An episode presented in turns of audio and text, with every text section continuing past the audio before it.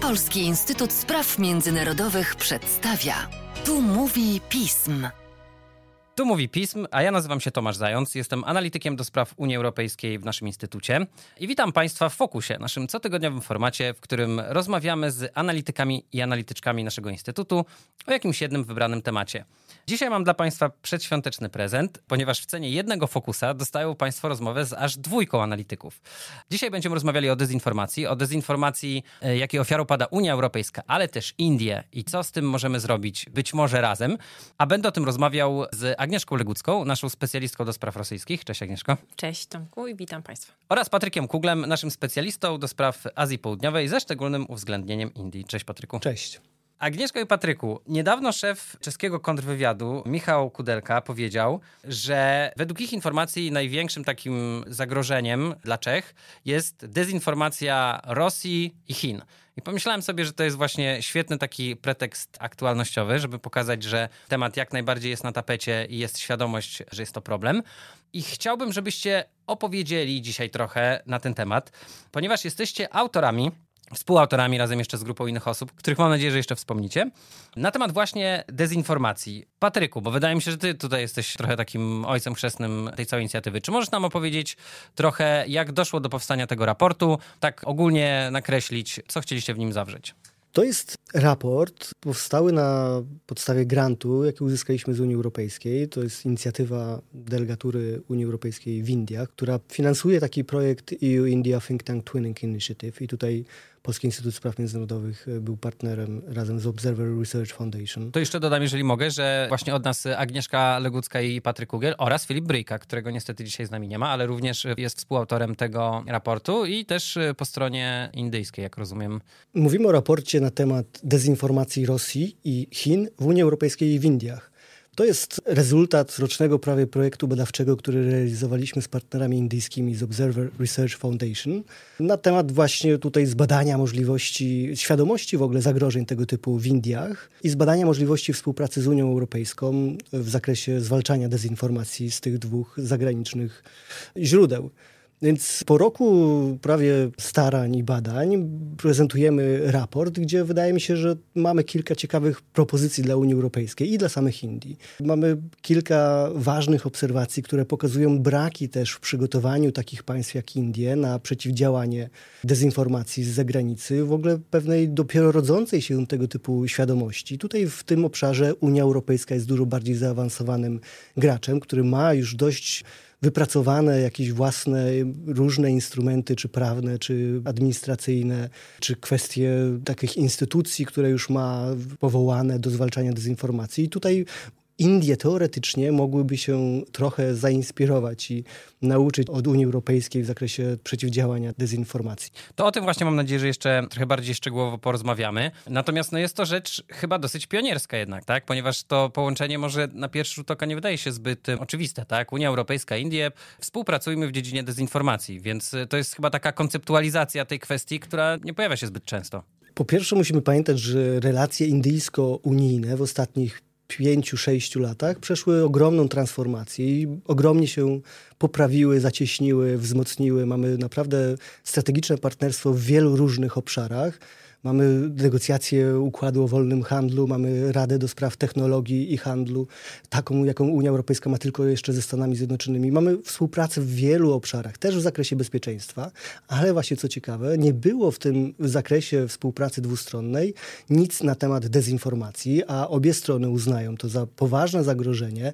Indie i Unia Europejska możemy je określić jako dwie największe demokracje na świecie, więc y, społeczeństwa otwarte, gdzie ta zdolność do operowania, działania dla ewentualnych zagranicznych agentów, różnych innych źródeł manipulacji informacji, czy w internecie, czy w mediach, czy na uniwersytetach i tak dalej, to pole do działań jest ogromne. Tak? Więc my mamy dwa otwarte społeczeństwa, bardzo wystawione na tego typu wrogie działania manipulujące informacjami z zewnątrz. No i w związku z tym tu jest ogromny potencjał do zbadania możliwości współpracy. I tak jak mówisz, to jest według mojej wiedzy pierwsze tego typu badanie na temat w ogóle dezinformacji ze strony Chin i Rosji w Indiach I pierwsze badanie na temat tego, gdzie staramy się jeszcze, powiedzmy na początkowym etapie, ale staramy się wskazać te kilka obszarów, co Unia Europejska i Indie mogłyby razem zrobić, żeby wzmocnić odporność i społeczeństwa, i państwa na działania te manipulacyjne i dezinformacyjne ze strony zagranicznych aktorów. A jak wspomniałeś o tym, że mamy tu do czynienia z dwoma takimi organizmami, z największą demokracją jako państwo i organizacją międzyrządową, która zrzesza państwa demokratyczne, to czy możesz o tym wspomnieć? Bo wiem, że pisałeś niedawno o tym, że Indie prześcignęły niedawno Chiny, jeśli chodzi o liczbę ludności, prawda? No, Indie to jest w ogóle największe, najludniejsze dzisiaj państwo na świecie, piąta gospodarka świata, bardzo ważny partner handlowy i polityczny Unii Europejskiej. A na ile się szacuje populację Indii? No, mamy ponad 1,4 miliarda, tak? tak? Miliard 425 milionów mieli w kwietniu, kiedy właśnie przeskoczyli Chiny pod tym względem. No a tutaj nasze problemy z Chinami w ostatnim czasie powodują też wzrost zainteresowania Indiami jako tym podobnie myślącym, tak? ten like-minded partner, gdzie chcemy na przykład dywersyfikować, tak? czy zmniejszać ryzyko uzależnienia od gospodarki chińskiej, no to mamy ogromnego partnera w Azji Południowej, który jest bardziej niż szczęśliwy, żeby zastąpić tutaj Chiny jako główny partner i strategiczny, i ekonomiczny dla Unii Europejskiej. Więc tutaj kwestia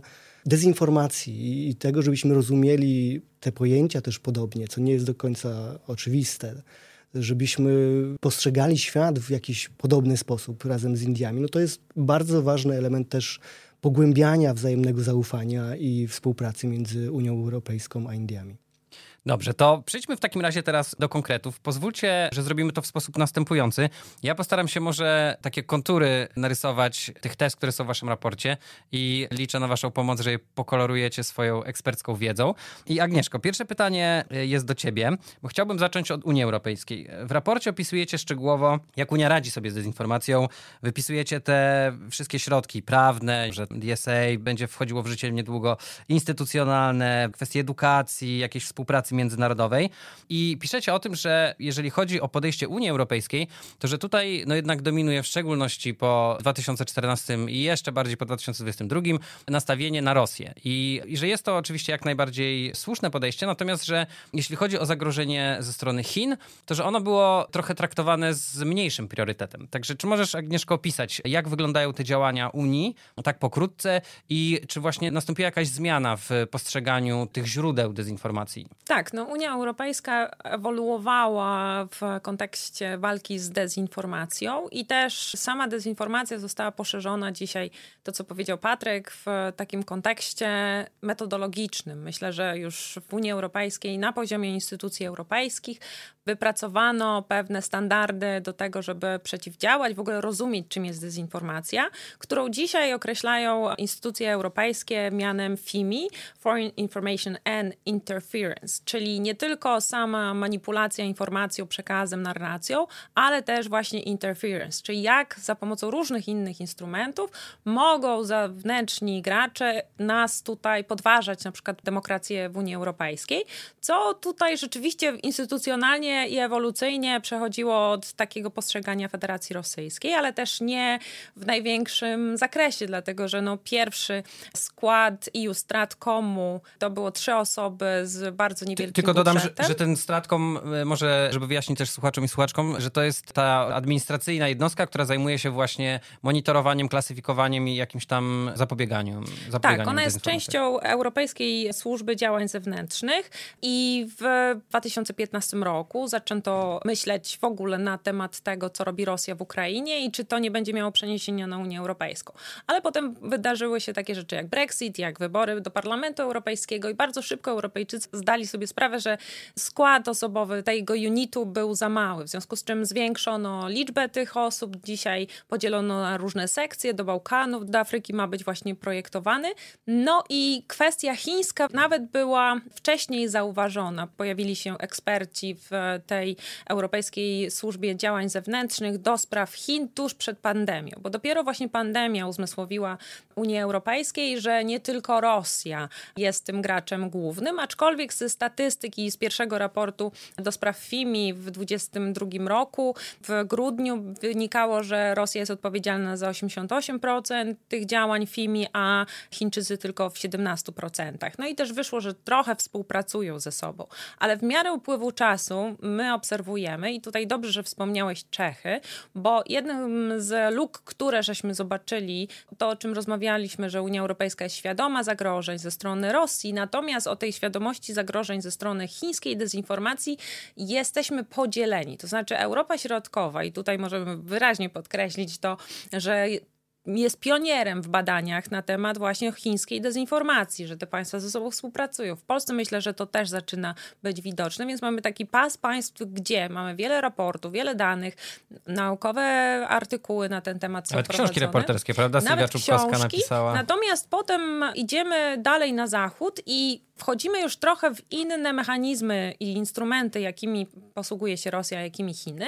I nadal w wielu państwach europejskich, Europy Zachodniej, Niemcy, Francja, Belgia, Hiszpania, Portugalia, można tutaj wymieniać wszystkich naszych zachodnich partnerów, widzą rosyjską dezinformację, postrzegają jako zagrożenie, jeszcze w związku z tym, co dzieje się w Ukrainie, ale Chiny nie badają tak mocno. E, Mówią, że Chiny to jednak trochę coś jest innego, że to jest jednak bardziej dyplomacja publiczna, że wykorzystują inne mechanizmy, tylko że tutaj są wszystkie ukryte takie elementy działań podprogowych i manipulacyjnych Chin, które jeszcze nie są zidentyfikowane w Unii Europejskiej jakby geograficznie wszędzie. Jasne, to super. To y, ten wątek bardzo bym chciał pociągnąć, bo też w waszym raporcie, i to było dla mnie bardzo interesujące, ewidentnie rozróżniacie, jeśli chodzi o metody dezinformacji pomiędzy właśnie Rosją i Chinami. No i w takim może dużym uproszczeniu, wydaje mi się, że ta dezinformacja rosyjska to jest taka dezinformacja w wersji hard, w której mamy, prawda, naprawdę takie działania o troli, ale nie tylko, jakieś takie narracje, zwiększanie polaryzacji i tak dalej. A w przypadku Chin piszecie o tym, że tutaj nie ma do końca takich działań negatywnych per se, w takim sensie, że właśnie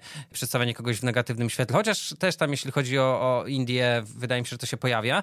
Natomiast, y, że oni bardziej starają się po prostu bardzo duży nacisk kłaść na to, żeby pokazywać swój kraj jako kraj, który jest modelowym, który jest jakby dobrym punktem odniesienia. Czy możecie właśnie więcej powiedzieć o tej różnicy? Kiedy mamy różne sposoby działania Rosji i Chin, to musimy podkreślić to, że one się uczą od siebie, te państwa. I wcześniej Chiny, mam wrażenie, że uczyły się od Rosji, a teraz Rosja pewne rzeczy powiela chińskie, jeżeli chodzi o, chociażby o pandemię COVID-19.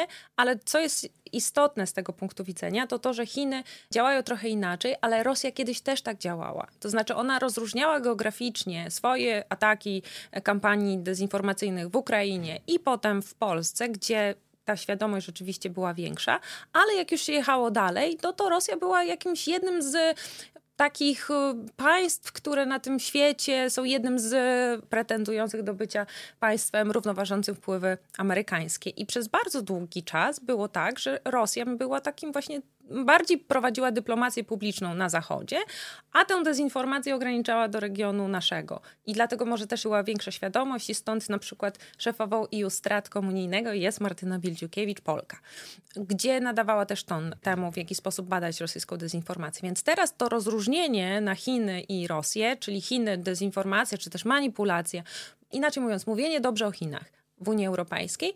W niektórych państwach jeszcze się sprawdza, ale to nie znaczy, bo my też obserwujemy ewolucję pewnych procesów, że to za chwilę nie będzie takie hard dezinformacja, jak Zaczną używać tych samych metod. Mm, To, to bardzo ciekawe rzeczywiście, że mówisz, że te dwa państwa się od siebie uczą. A, a Patryku, czy możesz nam powiedzieć w takim razie właśnie też e, może trochę więcej o tym stylu dezinformacji e, chińskiej? Też wydaje mi się i też w raporcie o tym piszecie, że jednak no, ta świadomość się zwiększa, że te instytuty Konfucjusza, które są postrzegane wydaje mi się właśnie jako takie miejsce siania propagandy trochę prochińskiej, że po prostu są zakazywane. Jest cała taka linijka, gdzie wymieniacie rok po roku, jak każde kolejne państwo zakazywało funkcjonowania tego instytutu tam. Także Patryku, jak to wygląda w szczegółach? Czy po pierwsze, taki poważny problem, jaki mieliśmy w ramach tego projektu, polegał na tym, że nasi indyjscy partnerzy w ogóle nie bardzo ich interesowało, żeby badać w ogóle Rosję w kontekście działań dezinformacyjnych. Tak?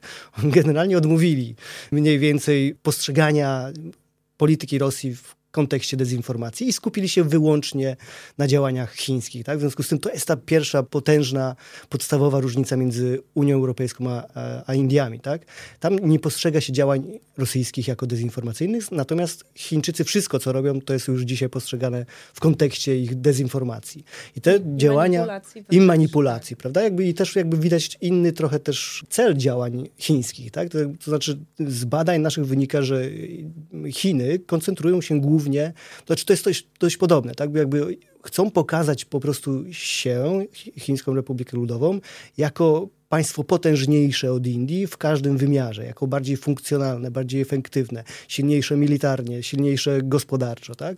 I z drugiej strony to się wiąże z tym, żeby Indię pokazywać w negatywnym świetle, tak? Że ta demokracja to jest wadliwa, a w ogóle to jest nieefektywne, że to państwo się zaraz rozpadnie, że ich armia w ogóle jest źle wyposażona, źle wy... no, generalnie są takie przeświadczenie takie defetyzmu, prawda? Jakby w społeczeństwie indyjskim mm, stworzyć, że jakakolwiek konfrontacja i rywalizacja z Chinami generalnie nie ma sensu, że Chiny mają też lepszy model polityczny, bardziej sprawny, tak, to one wydobyły z biedy, z ubóstwa skrajnego setki milionów ludzi, dużo lepiej im to idzie niż, niż Indiom. I generalnie Indie powinny zaakceptować taką pozycję słabszego, mniejszego partnera, i nie występować prawda, przeciwko Chinom w polityce zagranicznej, w swoich relacjach zewnętrznych, chociażby właśnie nie powinny zbliżać za bardzo do Stanów Zjednoczonych czy do Unii Europejskiej. Więc ta chińska działalność jest postrzegana jako poważne zagrożenie dla Indii i stąd jest ta reakcja indyjskich władz. Tylko znowu tu jest pewna różnica z Unią Europejską. Te działania indyjskie wydają się takie bardzo ad hoc. Tak? Tam nie ma jeszcze systemu, nie ma jakichś instytucji powołanych do tego. To jest no takie... właśnie, to, to Patryku, jeżeli mogę to dopytać, ponieważ y,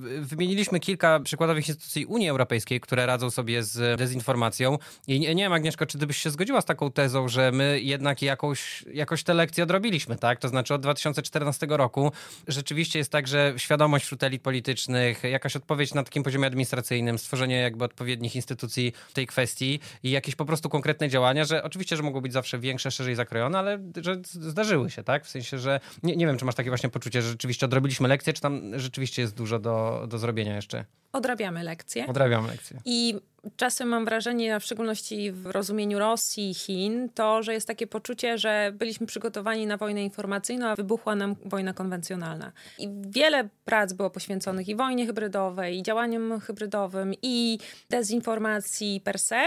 I rzeczywiście była ta świadomość, natomiast nie zauważano, że za tym wszystkim Rosjanie też przygotowują się do dużej konfrontacji. Podsumowanie naszych badań jest takie, że w Unii Europejskiej widzimy bardziej niedźwiedzia, nie smoka, a w Indiach widzą tylko smoka, bo nie chcą dostrzec niedźwiedzia. I to też trzeba powiedzieć, że w Indiach ta narracja rosyjska się jakby sprzedaje bardzo dobrze i to w ogóle nie jest postrzegane jako ani propaganda, ani manipulacja. I często no, myśmy też mieli taki problem, że po prostu chcieliśmy im włożyć w ich zdania nasze postrzegania, ale to zupełnie nie działało, wychodziło tak. co innego.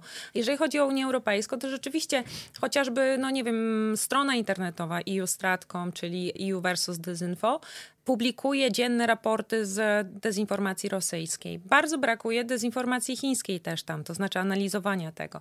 A drugi jeszcze element, no to jest fact-checking. Niestety fact-checking, znaczy stety i nie, niestety, dlatego że dużo powstało różnych organizacji pozarządowych i w Polsce, i w państwach Unii Europejskiej, które na tym poziomie takim, byśmy powiedzieli, lokalnym, bądź też w ogóle społecznym, analizują te problemy, o których rozmawiamy. Czyli z jednej strony na tym poziomie Unii Europejskiej są niektóre instytucje i think tanki, również ze współpracy z NATO, ale też na poziomie poszczególnych państw. Natomiast ogólna taka konstatacja jest taka, że fact-checking mało się sprawdza wobec całego społeczeństwa.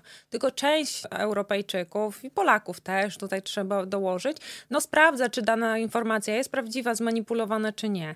To, to jest kilka procent społeczeństwa, która tak aktywnie próbuje szukać źródeł, nie tylko scrollować Facebooka i patrzeć, co się dzieje akurat w komórce, ale to, co nam wychodzi, to, co Unii Europejskiej wychodzi, to nie tylko właśnie monitorowanie, sprawdzanie, co robią różne państwa bądź nawet aktorzy wewnętrzni, ale krytyczne myślenie. Tutaj kwestia edukacji, budowanie takiego pięknego słowa, które jest odmieniane przez wszystkie przypadki w, w Unii Europejskiej, czy resilience. W Polsce mówi się o tym, że to jest odporność, ale tak naprawdę w języku angielskim to ma trochę dodatkowe jeszcze elementy aktywności, bo tak jakby odporność to wydaje się, że to jest tylko taka obrona, a tak naprawdę resilience to też jest taka aktywna obrona, która powoduje, że nie tylko właśnie edukacja, ale także działania konkretne, czyli na przykład sankcjonowanie osób, które dopuszczają się dezinformacji. To się stało w przypadku Federacji Rosyjskiej, Sołowiowa, słynnego propagandysty i obciążanie tych osób również dodatkowymi obciążeniami z tytułu ich działalności dezinformacyjnej. To też tylko a propos edukacji dodam, że właśnie y, przywołany przeze mnie Michał Kudelka, czyli szef czeskiego kontrwywiadu, też taką konstatację tutaj podsunął, że jego zdaniem długofalowo no tylko wyedukowane społeczeństwo to jest broń przeciwko dezinformacji. I żeby potwierdzić tę tezę, w najmniejszym stopniu Finowie są narażeni na dezinformację, bo już w szkołach podstawowych uczy się ich przede wszystkim krytycznego myślenia, a poza tym jest to społeczeństwo jedno z najbardziej czytających społeczeństw, więc to z jednej strony są i działania jakby państwowe, ale też chyba kultury pewnej obycia z informacją.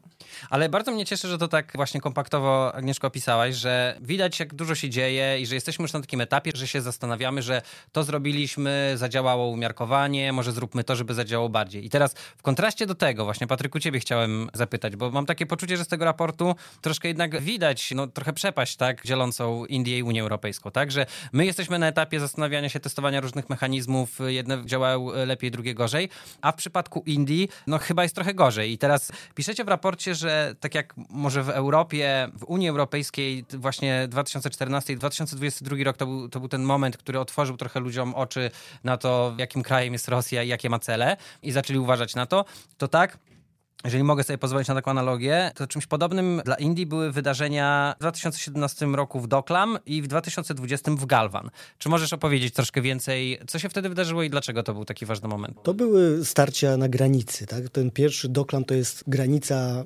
Indii i Butanu i Chin w Himalajach. I tam doszło do konfrontacji taki, no, Chińczycy próbowali trochę przesunąć granicę, poprowadzić tam jakąś drogę i Hindusi starali się temu zapobiec. I to jeszcze był taki pierwszy poważny kryzys chińsko-indyjski. Natomiast w 2020 roku to już doszło do rękoczynów, tak? Jakby zginęło wtedy ponad prawdopodobnie około 20 żołnierzy indyjskich i nieznana liczba żołnierzy chińskich w takiej walce wręcz, bo zgodnie z postanowieniami dwustronnymi tam na tej spornej granicy żołnierze nie mogą nosić broni, więc oni się okładali okładali po prostu patykami, jakimiś maczugami, cokolwiek znaleźli pod ręką, tak? I zrzucali się po prostu ze skarpy. W... Czyli to naprawdę były rękoczyny, bo to myślałem, były że to takie przejęzyczenie lekkie, ale to naprawdę były rękoczyny. Dokładnie, prostu, to tak nie było strzelanie, prawda? To było to w walce wręcz załatwić kilkudziesięciu ludzi. No, to były najpoważniejsze straty w ogóle armii indyjskiej ze strony chińskiej od 40 kilku lat. W związku z tym to wywołało poważny szok w Indiach i poważnie no, wpłynęło na politykę zagraniczną Indii, na postrzeganie Chin, które od tego momentu już definitywnie zostały uznane za główne zagrożenie bezpieczeństwa dla Indii i dlatego też to był ten moment, kiedy wszystkie działania Chin w sferze informacji, kultury, czy jakiejś sztuki, czy tak dalej, zaczęły być prześwietlane pod kątem no, negatywnych, złych intencji chińskich. Tak? Dlatego zaczęto przyglądać się działaniom informacyjnym, czy działaniom też w internecie. Tak? I dlatego w odpowiedzi na ten, na ten kryzys w 2020 roku chociażby Indie podjęły te kilka takich e, działań administracyjnych czy prawnych.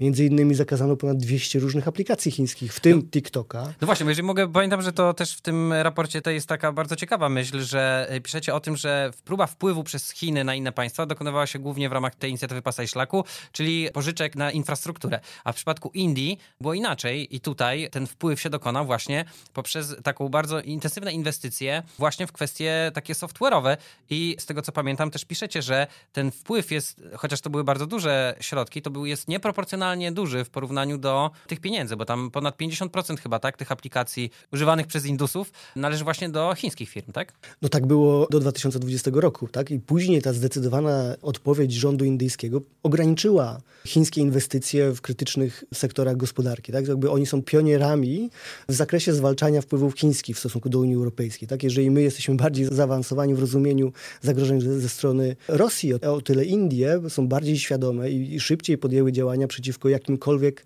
no, nie do końca jasnym i pozytywnym ruchom ze strony chińskiej, tak? bo to jest zbanowanie tych wszystkich aplikacji chińskich, tak TikToka czy innych WeChatów i tak dalej, już w Indiach nie będziemy mogli sobie używać, jakbyśmy tam pojechali. Nie ma chińskich inwestycji w infrastrukturę krytyczną, czy właśnie w sektor telekomunikacyjny. Tam o Huawei to możemy zapomnieć, tak, żeby ona budowała jakieś telefonie 6G albo inne Kto tam masz krytyczne. 5G w takim razie stawia? Trochę własne firmy, ale też są otwarci na partnerów z Singapuru, z Europy, ze Stanów Zjednoczonych, więc na pewno nie Chińczycy, tak? To jest jeszcze ciągle pieśń przyszłości, ale to taki screening, o czym w Europie mówimy od, od niedawna, tak? To to już Indusi wprowadzili dużo, dużo wcześniej, tak? Więc tylko, że to są właśnie takie działania punktowe, trochę chaotyczne, tak? Właśnie zamykanie instytutów Konfucjusza, czy nawet doszli już do takiej, trochę wydaje mi się za daleko może, ale odmówili wydawania wiz dziennikarzom chińskim, tak? W związku z tym te dwa państwa, bo to od razu spotkało się z reakcją chińską, te dwa państwa, największe, najludniejsze, prawda, państwa świata, największe państwa w Azji, nie mają korespondentów jakby nawzajem, tak? W związku z tym nie mają możliwości, żeby bezpośrednio przekazywać informacje o, o tym, co się dzieje u sąsiada, tak? Więc trochę ta reakcja może jest nadprogramowa, co też pokazuje, że brakuje tak naprawdę rozwiązań instytucjonalnych. No właśnie, bo chciałem o to zapytać, bo wszystkie te rzeczy, które wymieniłeś, brzmiały właśnie strasznie tak reaktywnie i teraz wydaje mi się, że może Unia trochę wyciągnęła wnioski, że staramy się właśnie oprócz takiej czystej reakcji też staramy się jednak tworzyć jakieś systemowe rozwiązania. Jak to wygląda w przypadku Indii? Czy coś jest planowane, czy coś zostało zrobione? No na razie jeszcze nie, tak? Jakby mamy dyskusję na razie w Indiach na temat stworzenia i takiej instytucji państwowej, coś w rodzaju nawet stratkomu, co mamy w Unii Europejskiej, to pewnie będzie inaczej wyglądało w Indiach, tak? bo to jest zupełnie inne państwo. Ale też mówi się o jakimś powołaniu jakiegoś korpusu ochotników z kolei, tak? wśród y, tutaj, nie wiem, zwolenników partii BJP, premiera Modiego, czy wykorzystanie jakichś innych struktur społecznych, czy różnych fundacji.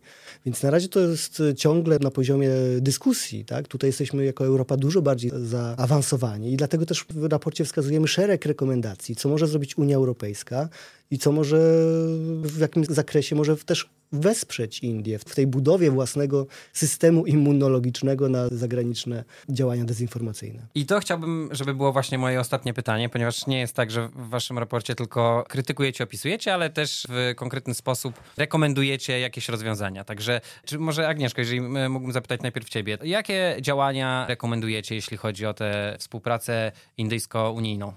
No przede wszystkim e, proponujemy nawiązanie bliższych relacji, czyli stworzenia czegoś takiego, nie wiem, jak platformy do wymiany informacji, bo w Unii Europejskiej funkcjonuje Rapid Alert System, czyli państwa członkowskie przesyłają sobie jakieś przykłady groźnych kampanii, które mogą potem mieć odzwierciedlenie w wreszcie innych krajów. I to samo proponujemy w, w stosunku do nawiązania takiej platformy z Indiami, czyli żeby dzielić się takim dobrym know-how. Mieliśmy duży też problem właśnie, jeżeli chodzi o samo definiowanie dezinformacji, informacji.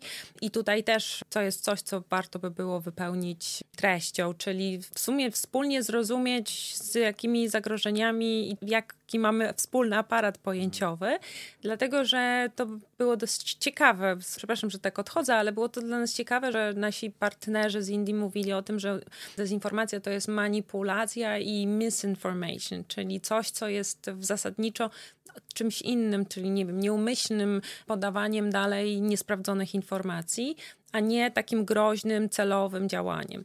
I ta kwestia think tanku, w ogóle badań na temat dezinformacji tu i tu jest kluczowa, żeby przeciwdziałać jednemu i drugiemu zagrożeniu. Drugie pomysły to jest właśnie stworzenie jakiegoś specjalnego dialogu dotyczącego dezinformacji w ramach cyberdialogu, który, mówił Patryk, czy też wspólnej grupy w ramach także EU-India Trade and Technology Council.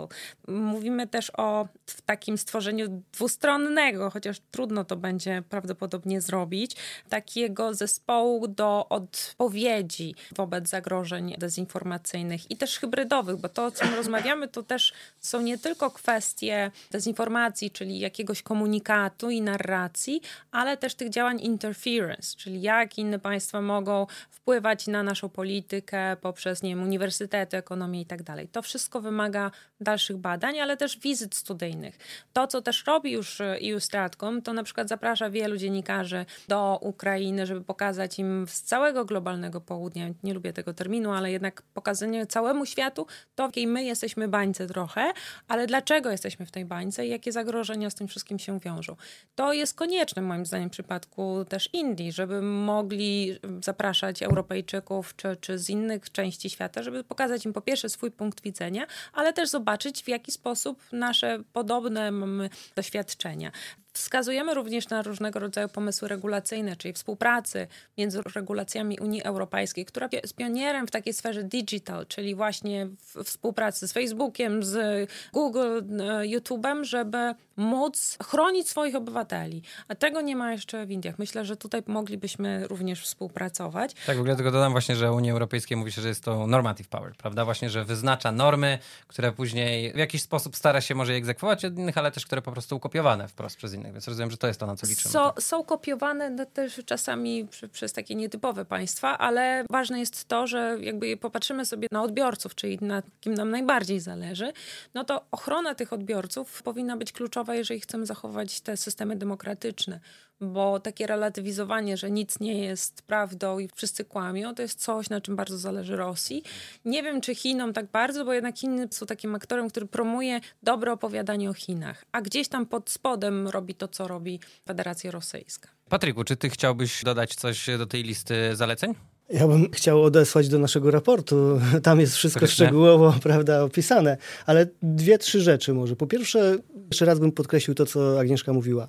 My obserwujemy to uczenie się wzajemne między Chinami i Rosją, tak, w Unii Europejskiej i w Indiach, tak. W związku z tym to jest też w interesie Indii, żeby zobaczyć, jak Rosjanie działają w Unii Europejskiej, bo jeżeli Chińczycy się uczą od, od Rosjan, to mogą się spodziewać, że za jakiś czas spotkają tą samą strategię, taktykę, metodologię działań chińskich u siebie. A my z drugiej strony, jako Europejczycy, jeżeli zobaczymy, jak działają Chińczycy i zrozumiemy, jak działają Chińczycy w Indiach, to możemy się lepiej przygotować na działania dezinformacyjne chińskie u nas. Tak? W związku z tym to jest ogromny potencjał do, do dzielenia się informacjami, wzajemnego uczenia i tak dalej. Dlatego my też proponujemy szereg narzędzi, instrumentów, instytucji, które mogłyby wspierać tą wymianę opinii, wspólne badania między ekspertami, między dziennikarzami, między społeczeństwem obywatelskim. Tak? Potrzebujemy bardziej się zrozumieć, z czym my mamy do czynienia, zwiększyć wzajemne zaufanie, ale też naszą tą odporność do działań zewnętrznych, negatywnych. To jest po pierwsze. Po drugie, jeszcze raz bym podkreślił to, że my jesteśmy tymi demokracjami, tak? A w przyszłym roku mamy i w Indiach, największe wybory świata będą, wybory parlamentarne w Indiach e, na wiosnę. I Które w tym... trwają w ogóle kilka tygodni, tak? To jest ciekawy Dokładnie. proceder. I zaraz po tych będziemy mieli nasze wybory do Parlamentu Europejskiego, też jedne z największych wyborów demokratycznych na świecie, tak? W związku z tym to będzie prawdopodobnie znowu okres, kiedy te działania dezinformacyjne i próby manipulacji wpływu na wynik wyborczy i w Europie i w, i w Indiach będzie jakiś no, wzmożony tutaj czas na, na te działania. W związku z tym, co można zrobić? Przygotować się na te działania dezinformacyjne, ale też na poziomie pewnej kampanii społecznej, edukacyjnej, kierowanej do społeczeństw w obu tych regionach, tak? Żeby byli świadomi prawda, tych zachowań w sieci, które informacje są prawdziwe, czemu nie wierzyć i tak dalej. Tak, żeby jednak podjąć kolejną próbę, żeby wyposażyć mieszkańców, wyborców w tych dwóch demokracjach do świadomych wyborów. Po trzecie, Mówiliście o tej regulacji, prawda? To jest jakby bardzo ważne z naszego punktu widzenia też. Jeżeli my chcemy być tym normative power, tym, tym regulatory power, tak? Jakby tą potęgą, która narzuca czy promuje pewne nasze standardy, regulacje i tak dalej na świat, to mamy ogromny interes, żeby Indie wpisały się czy przyjęły te nasze regulacje, albo żeby z nimi wypracować wspólne dla obu tych rynków akceptowalne regulacje, tak? Bo pamiętajmy, Indie są już dzisiaj największą cyfrową gospodarką świata prawdopodobnie, tak? Jakby tam najwięcej ludzi i społeczeństwem cyfrowym, najwięcej ludzi ma dostęp do internetu na świecie, tak? Jakby w żadnym innym państwie pewnie nie ma czegoś takiego. Płatności pieniężne cyfrowe, najwięcej, chyba połowę w ogóle globalnych tego typu płatności odbywają się w Indiach. Tak? To oni przeszli ogromną jakby transformację przejścia w ogóle na, na wszystko w administracji, w gospodarce, wszędzie na cyfrowe. Tak? W związku z tym to, co zrobią Indie, I one mają też aspiracje do tego, żeby kształtować te regulacje i normy w zakresie świata cyfrowego, prawda? W związku z tym to jest przestrzeń dla Unii Europejskiej, żeby razem z nimi tworzyć globalne regulacje w zakresie chociażby tutaj dezinformacji, czy w ogóle tego świata cyfrowego. I ostatnia rzecz, dlaczego myślę, że to jest też ważne, co my tu zaczęliśmy badać, tak?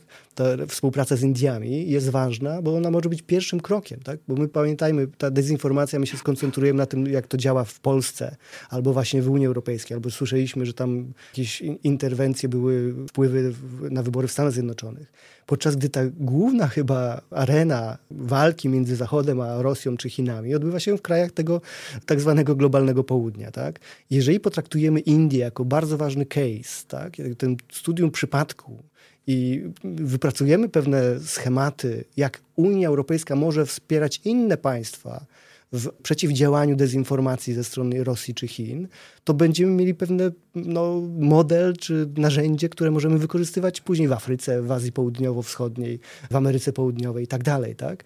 Więc to jest tylko wstęp do szerszych, myślę, też badań. Tak? Musimy lepiej poznać to, jak to działa w Indiach, ale też później wiedzieć, jak to działa i jak zaaplikować ten europejski know-how, jak wspomóc inne społeczeństwa w tym globalnym południu, czyli w państwach rozwijających się, po to, żeby prawda, tam nie szerzyła się jakaś rosyjska propaganda czy, czy dezinformacja. W związku z tym to jest początek długiej drogi i myślę tutaj, że, że ten przypadek Indii jest bardzo tym aspekcie bardzo ciekawy i pomocny. Jasne, to na koniec nie zostaje mi nic innego, jak tylko zachęcić Państwa do przeczytania raportu, który już wkrótce ukaże się na naszej stronie. Dobra, wartka proza, polecam w języku angielskim. A Agnieszka i Patryku, dziękuję Wam bardzo za tę ciekawą rozmowę. Bardzo dziękujemy. Dzięki wielkie. Polecamy raport. I na tym kończymy dzisiejszy fokus. Dziękuję Państwu za wysłuchanie naszej rozmowy i tradycyjnie zapraszam do subskrybowania nas w mediach społecznościowych. Jesteśmy na Facebooku, LinkedInie, Twitterze. Zachęcam też do subskrybowania naszego podcastu. Jesteśmy na e, wszystkich platformach podcastowych. Podcast wyprodukowała Natalia Radulska. Tu mówił Pism.